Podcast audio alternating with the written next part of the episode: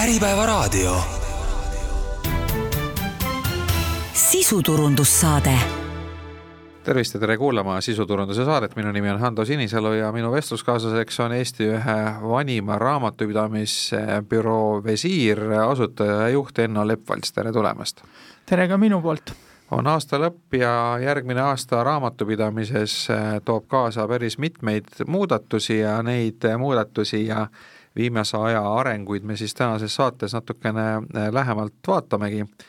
Et äh, kõigepealt enne, kui me seaduse ja, ja maksumäärade muudatuste juurde läheme, siis äh, üks selline trend võib-olla, mis nüüd viimasel ajal on esile kerkinud, on see, et järjest jõulisemalt tuletatakse ettevõtetele meelde, kui neil on majandusaasta aruanded esitamata ja lisaks meeldetuletustele kirjutatakse välja ka trahve, et kuidas sa seda olukorda kommenteerid?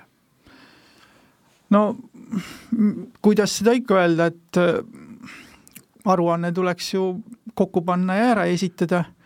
tegelikult teeb äriregister aastaid ja aastaid tegemata tööd ja on, on andnud aastad läbi vale signaali, et äh, et äh, võibki aruannet ripakile jätta ja mitte midagi sellest ei muutu ja, ja heal juhul isegi firma kustutatakse ära ilma probleeme tekitamata ja ja vaatamata, kas seal äkki mingeid võlgasid ei ole kellegi ees ja nii edasi. ainuke isik, kelle puhul võib-olla see kustutamise äh, või kelle vastu see kustutamine hästi töötanud, oli Maksuamet, aga aga teiste osas äh, jah, läinud ta oli ilma, ilma tavalise likvideerimiseta, sundlikvideerimine valmis, korras, puhas. Ja nüüd äh, ma ise hindan, et tegelikult ei tohiks üldse üllatusena tulla nendel, nendele, kes äh, on aruande ripakile jätnud. Ja kui, kui ikka ettevõte on olemas, siis tuleb, tuleb see aruanne ära teha ja see peaks olema nagu iga ettevõtja selline äh, aukohus aga kui suured need trahvid on või mis need sellised sanktsioonid on, mida praegu ettevõtetele siis saab teha selle eest, kui nad aruandeid ei esita? no mina neid päevamäärasid ei tea, aga mõnest sajast eurost juhatuse liikmele ja ja juriidilisele isikule juba mõned tuhanded eurod, et äh, see võib päris märkimisväärne summa olla. ma tean ka, et on tehtud äh, sõltumata isegi sellest, et äh, audit Äh, on veninud, äh, isegi kui on ühe, üks päev üle läinud, on lõpuks ikkagi trahv ära väänatud, hoolimata sellest, et võib-olla trahvi väljakirjutamise ajal juba aruanne oli esitatud.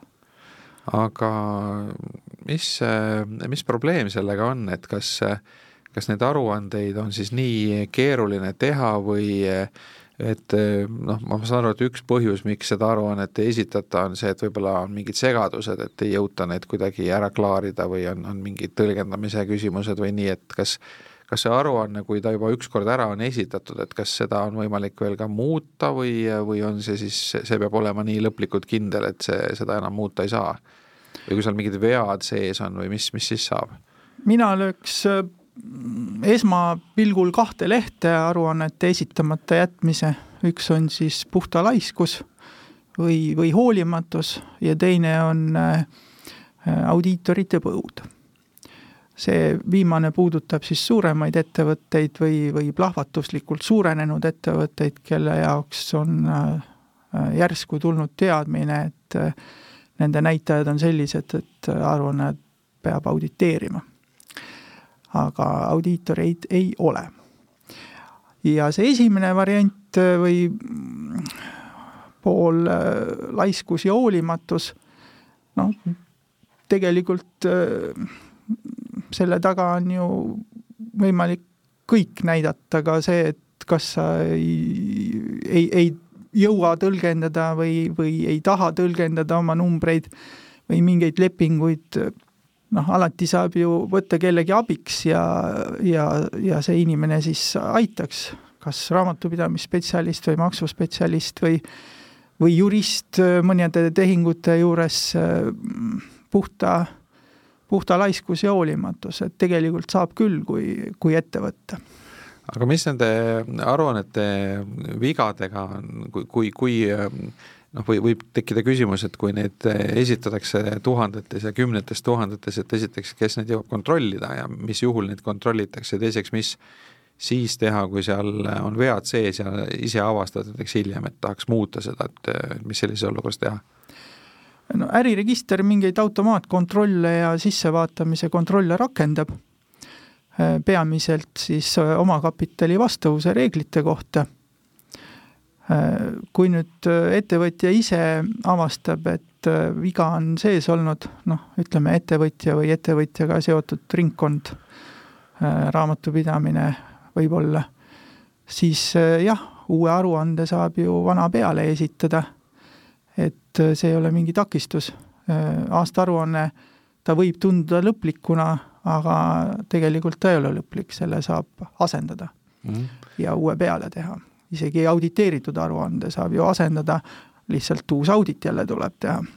No aastaaruande puhul on, on veel vastutuse küsimus, et, ähm, et noh, võib-olla väiksemate ettevõtete puhul veel äh, ettevõtte juhataja on äkki äh, liberaalsem või riskialtim eriti erinevate asjade tõlgendamisel ja raamatupidaja on võib-olla korrektsem, et kellele see vastutus lõpuks jääb, et raamatupidaja ju, ju aitab seda aruannet teha, juhataja kinnitab selle, et kes vastutab seaduse ees, juhul kui seal on nüüd valeandmed? alla kirjutab ähm, aruande äh, juhataja, tegelikult äh, ju peaks veel üldkoosolek või siis ainuosanik äh, selle kinnitama nüüd on registris võimalik ka vastav märge teha, kas siis aruanne on kinnitatud või kinnitamata äh, kõrgema võimu poolt. juhataja allkirjastab ja esitatakse. raamatupidaja kohta tegelikult ei jää mingit märget, äh, välja arvatud sisestaja nimi. aga sisestaja ei tarvitse isegi see olla, et sinna sisestajaks jääb Äh, see sisestaja, kes alustas raam-, selle aruande äh, koostamist äh, äriregistris. et, et selles mõttes raamatupidajal nagu otseselt seaduses vastutust ei ole, et ta võib, võib siis juhataja soovil sinna mis, mis tahes asju kirjutada? no tegelikult ei või, kui nüüd äh, aruanne, kui avastatakse, et äh, aruandes esitatud andmete järgi või andmete noh, andmed on või andmetele tuginedes on ähm, mingid ähm, investorit või siis näiteks äh, panka, no ütleme siis huvitatud osapoolt äh, petetud või et sellistele andmetele tuginedes on see huvitav osapool võtnud vastu äh, ettevõttele siis aruannet esitanud ettevõttele kasuliku otsuse, aga aga krediidiandjale halva otsuse äh, ja siis võib juhtuda, et äh, antakse asi politseisse uurida. see on ainult juhul, kui, kui kellelegi nii-öelda ollakse võlgu, et kui mm., kui nagu otseselt võlgu ei noh, Maksuametist me enne rääkisime, et Maksuamet endale nii naljalt juba võlgu jääda ei lase, aga aga kui ei ole ühtegi võlausaldajat, kellel oleks pretensioone, et siis sellisel juhul üld, üldiselt ei tohiks probleeme tekkida no siis ei ole ka ju midagi tõlgendada, kui kellelegi võlgu ei olda, et äh, kui on ainult varad ja omakapital, sellisel juhul äh, noh, seadus ju teatavad piirid sätib äh, nende varade väärtuse tõlgendamisel, aga noh, kui neist on kinni peetud lubatavas ulatuses, siis ju ei juhtu midagi, et et äh, tegelikult äh, raamatupidaja asi on nõu anda, mitte tehinguid teha. otsustab ikka juhatuse liige äh, või ettevõte, raamatupidaja ei tohiks hakata tehinguid läbi viima, raamatupidaja saab enda teadmistele tuginedes tõlgendada, kuidas neid oleks korrektne kajastada ja kui see kajastus äh, juhtkonnale ei meeldi, siis juhtkonna asi on üle vaadata tehingu sisu, kas see tehing oli selline, mida nad äh, noh, planeerisid või, või annab seal midagi muuta, mõningatel juhtudel saab. me ei räägi lihtsast ostu-müügitehingust, mille puhul tavaliselt küsimusi ei tekigi mm. -hmm nii äh,, igal juhul ma saan aru, et soovitus on see, et, et nüüd on äh, juba ka äriregister piisavalt äh, jõuliseks muutunud, et ei ole mingit äh, mingit äh, vabandust, miks see aastaaruande esitamisega peaks viivitama ja see maksab nii-öelda valusalt kätte, kui seda mitte teha, nii et et see on selle jutu lühike kokkuvõte, aga nüüd äh, minnes äh, edasi aastasse kaks tuhat kakskümmend neli, siis võib-olla üle hulga aja on üks, üks päris oluline muudatus tulemas ja see on siis käibemaksumäära tõus senise kahekümne protsendi pealt kahekümne kahe protsendi peale ja see tekitab terve rida küsimusi, et äh, mis need kõige olulisemad asjad selle käibemaksu tõusu juures on, mida peaks äh, nüüd ettevõtjad arvestama ja milleks valmis olema? No punkt üks, mina oleks oodanud käibemaksumäära langust, sest äh, tõus kahekümnele oli ju kirjatud kui ajutine, ajutine. noh, et nüüd siis tuli uus tõus ja enam ajutist ei ole, on ju. aga noh, tähelepanu tuleb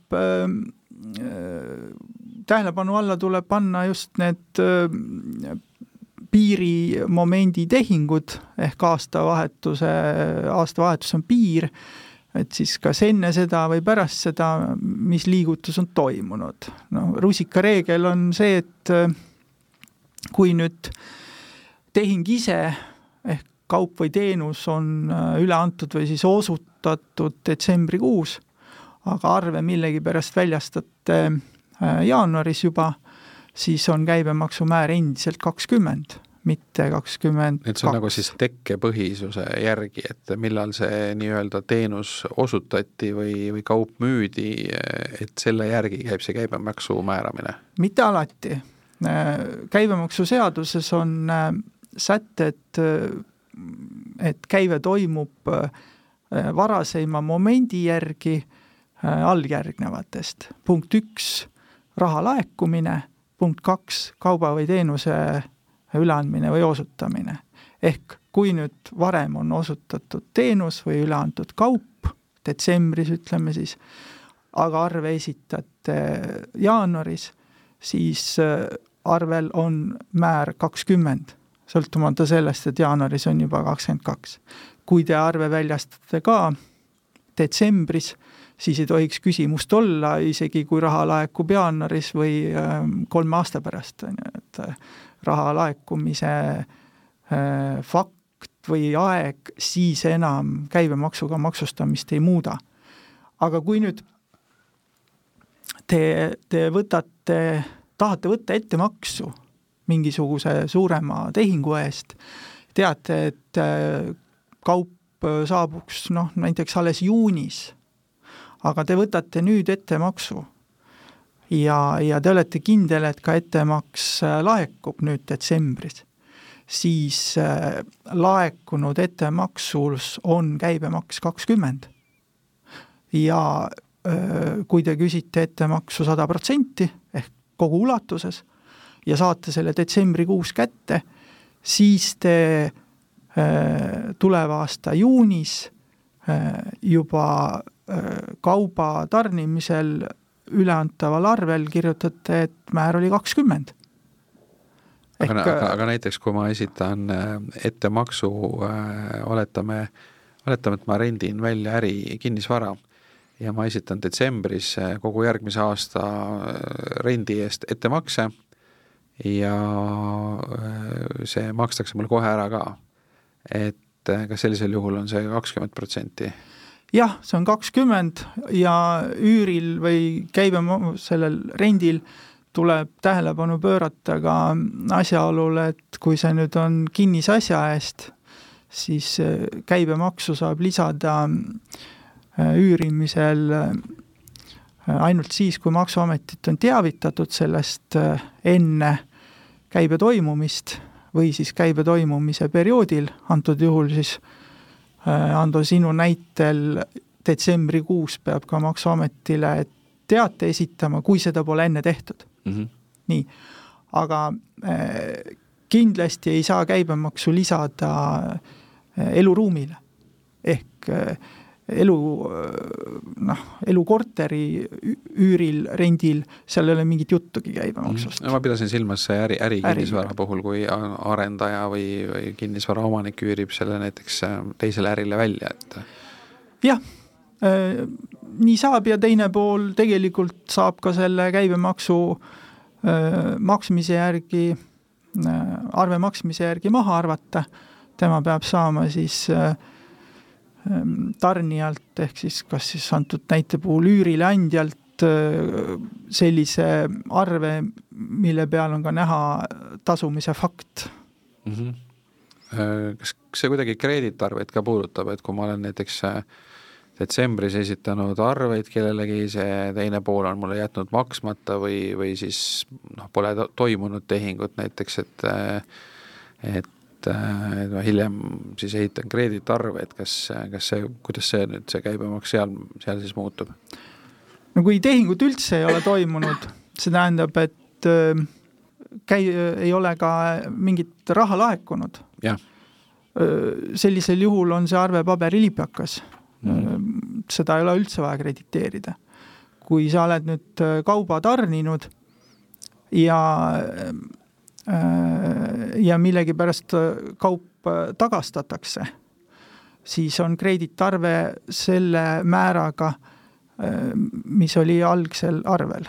ehk detsembris väljastatud arve, tarnid kauba ja märtsis pool tagastatakse mingil põhjusel ja sina pead tegema krediitarve, siis sa teed krediitarve kahekümnese määraga sellele poolele no siis ilmselt hakkab juhtuma ka seda, et kas vanast harjumusest või, või mingist äh, eksitusest jätkuvalt näiteks jaanuaris esitatakse kahekümnese määraga, kahekümneprotsendise määraga arveid edasi. ja võib-olla ka teine pool ei märka seda, et, et mis siis teha? no see on viga, see tuleb ära parandada, kui nüüd mingit alust kahekümnesele määrale ei ole no see on lihtsalt nii-öelda eksitus vanast harjumusest. siis tuleb arve väljastajale sellest teada anda ja, ja lasta arve õige määraga kirjutada. ja noh, ma pean ütlema, et tegelikult äh, iga enesest lugupidav tarkvaraarendaja ju, ma mõtlen siin raamatupidamisprogramme, arve väljastamisprogramme äh,, Äh, peaks olema suutnud äh, uued määrad ja nende rakendamise tingimused ka kenasti juba tarkvarasse sisse viia. Äh, ja, ja korralik tarkvara ju võimaldab, võimaldab tegelikult vaadata, et kui kaubal oli enne kak-, kahekümnene määr, siis selle müümisel alates kakskümmend neli aasta esimesest jaanuarist peaks rakendama kahtekümmet kahte mm. -hmm. et äh, see võiks juba automaatne olla. aga see, need äh, kaubad, teenused, mis seni maksustati näiteks üheksa protsendiga, et äh, kas seal on ka mingit muutust? kahekümne neljandal ehk kaks tuhat kahekümne neljandal aastal ei ole muutust. Need muutused tulevad alates kahe tuhande kahekümne viienda aasta jaanuarist. praegu jäävad nad samaks seda on ka palju küsitud, äh, muutused on järk-järgulised. Mm. -hmm siis äh, kui, kui need maksutõusud äh, välja käidi, et siis oli juttu veel mitmetest muudest maksutõusudest ka, et kõigepealt automaks, et selles osas meil täna vist küll mingit uudist ei ole, et seda pole vastu võetud ja, ja selle, see nii-öelda lähi, lähiajal meilt ei mõjuta no automaks on täitsa uus maks ja mina, mina ei tea, et oleks äh, mingi seadus selle kohta vastu võetud, lehest on ikka lugeda olnud, et äh, kodanikud, seadusandjad vist ei tea isegi veel, kui, mille järgi maksustada ja kui palju maksustada ja keda maksustada ja miks maksustada üldse. või tegelikult see, miks on neil selge, raha on vaja mm. -hmm saaks ise ka nii teha. ja siis äh, oli ju veel teema tulumaksus ja tulumaksuvabas kakskümmend äh, protsenti, eks ole, et täna on kakskümmend ja kahekümne kahele protsendile tõstetakse seda nüüd kahe tuhande kahekümne viienda aasta algusest. ehk järgmisel aastal peaks endiselt olema kakskümmend ja ka maksuvaba tulu arvestuses veel järgmisel aastal midagi ei muutu, endiselt see niinimetatud küür on. Mm. -hmm nüüd äh, dividende maksustatakse tulumaksuga siis äh, seni veel kakskümmend protsenti, aga siis äh, alates kaks tuhat kakskümmend viis esimesest jaanuarist kakskümmend kaks protsenti et nüüd, kui ähm, näiteks mõnel ettevõttel on aasta kaks tuhat kakskümmend neli kasum ja võib-olla ka veel varasemate perioodide kasum, et kas tal siis oleks mõtet need dividendid äh, välja maksta enne äh, aastavahetust, kaks tuhat kakskümmend neli, kaks tuhat kakskümmend viis vahetust, et, äh, et mitte jätta seda dividendide maksmist kahe tuhande kahekümne viiendasse aastasse? no mõistlik, kui, kui on äh, plaanid äh, dividendi maksta, siis tuleks vaadata esimese asjana üle rahavood ja mm, kasumid, et kui nüüd plaanida dividendi maksmist äh, kahe tuhande kahekümne viienda aasta asemel kahe tuhande kahekümne neljanda detsembris, äh, siis on tegelikult täna viimane aeg kontrollida üle, kas äh, niimoodi etteruttavalt äh, maksmiseks äh, kasumit on. sellepärast, et teadupärast dividendi saab maksta möödunud perioodide kasumi arvel. kui nüüd kahe tuhande kahekümne viiendal aastal saaks maksta kahe tuhande kahekümne neljanda aasta kasumit juba arvesse võttes, siis kahe tuhande kahekümne neljanda aasta detsembris saab eh, arvesse võtta ainult eh, kuni kahe tuhande kahekümne kolmanda aasta lõpuni teenitud kasumi. Et põhimõtteliselt kui suuta kolmekümne esimeseks detsembriks kaks tuhat kakskümmend neli kõik oma numbrid kokku lüüa, oletame, et see on võimalik, et, et näiteks ma ei tea, võib-olla ei ole te-, detsembris tehinguid toimunudki, et kõik on novembrini tehtud ja, ja kõik numbrid koos äh,, muutusi sisse ei tule, siis ikkagi äh, kaks tuhat kakskümmend neli äh, aasta äh, teenitud kasumi eest dividendi maksta detsembri lõpus ei, ei saa üldjuhul ei saa jah, no tegelikult äh, võib ju ka vanasõna kasutada, et äh, eesmärk pühitseb abinõu, noh tegelikult on ju ka võimalik majandust, majandusaastat muuta. Äh, ja noh, näiteks kui, kui majandus, kui majandusaasta lõpeb näiteks kolmkümmend november, et siis on ju juba terve detsembrikuu nii-öelda võimalik seda vana majandusaasta kasumit välja maksta täpselt nii ja äh, noh, oluline on siis see, et jah, et numbrid koos oleks ja teave, et äh, teave ka, et äh, kasumit on, mille arvel maksta. loomulikult maksuhaldur võib hakata siin oma jonni ajama, et, et näiteks majandusaasta muutus on vastu võetud ainult ja ainult soodsama maksumäära kasutamiseks, noh, siis tuleb eh, hoolikamalt eh, kir-, kirjata seda vajadust, miks majandusaastat muuta.